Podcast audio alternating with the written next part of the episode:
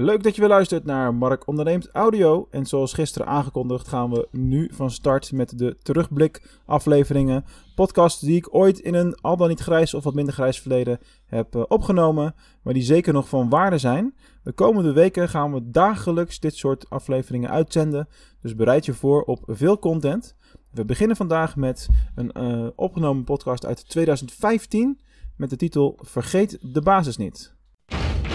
Dit is Mark Onderneemt Audio. Dan nu naar het onderwerp van deze aflevering en de titel van de podcast. En dat is Vergeet de basis niet. En dit telt voor, voor webwinkeliers in het bijzonder, maar voor elke ondernemer eigenlijk.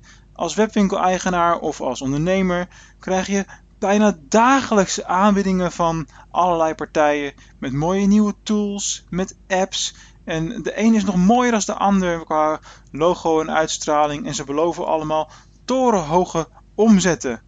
Maar goed, het probleem daarvan is dat je continu afgeleid raakt. Dus zorg er nou dat je eerst de basis in orde hebt. En pas wanneer je tijd over hebt, hè, laten we zeggen de vrijdagmiddag, of de tijd die er extra is, eh, terwijl je je doelstelling al hebt bereikt, dan mag je naar dat soort tools gaan, uh, gaan kijken. Dus bij deze breek ik een lans voor de basis van online marketing.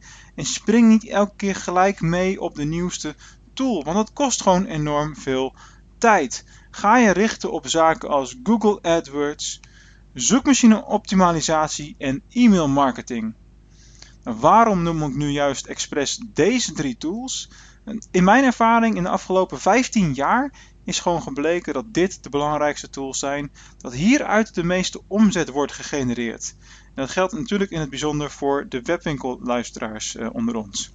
Dus ga daarna ook kijken naar dingen als um, conversieoptimalisatie, uh, affiliate marketing, dan social media en, en dan ook videomarketing als je daar budget voor hebt.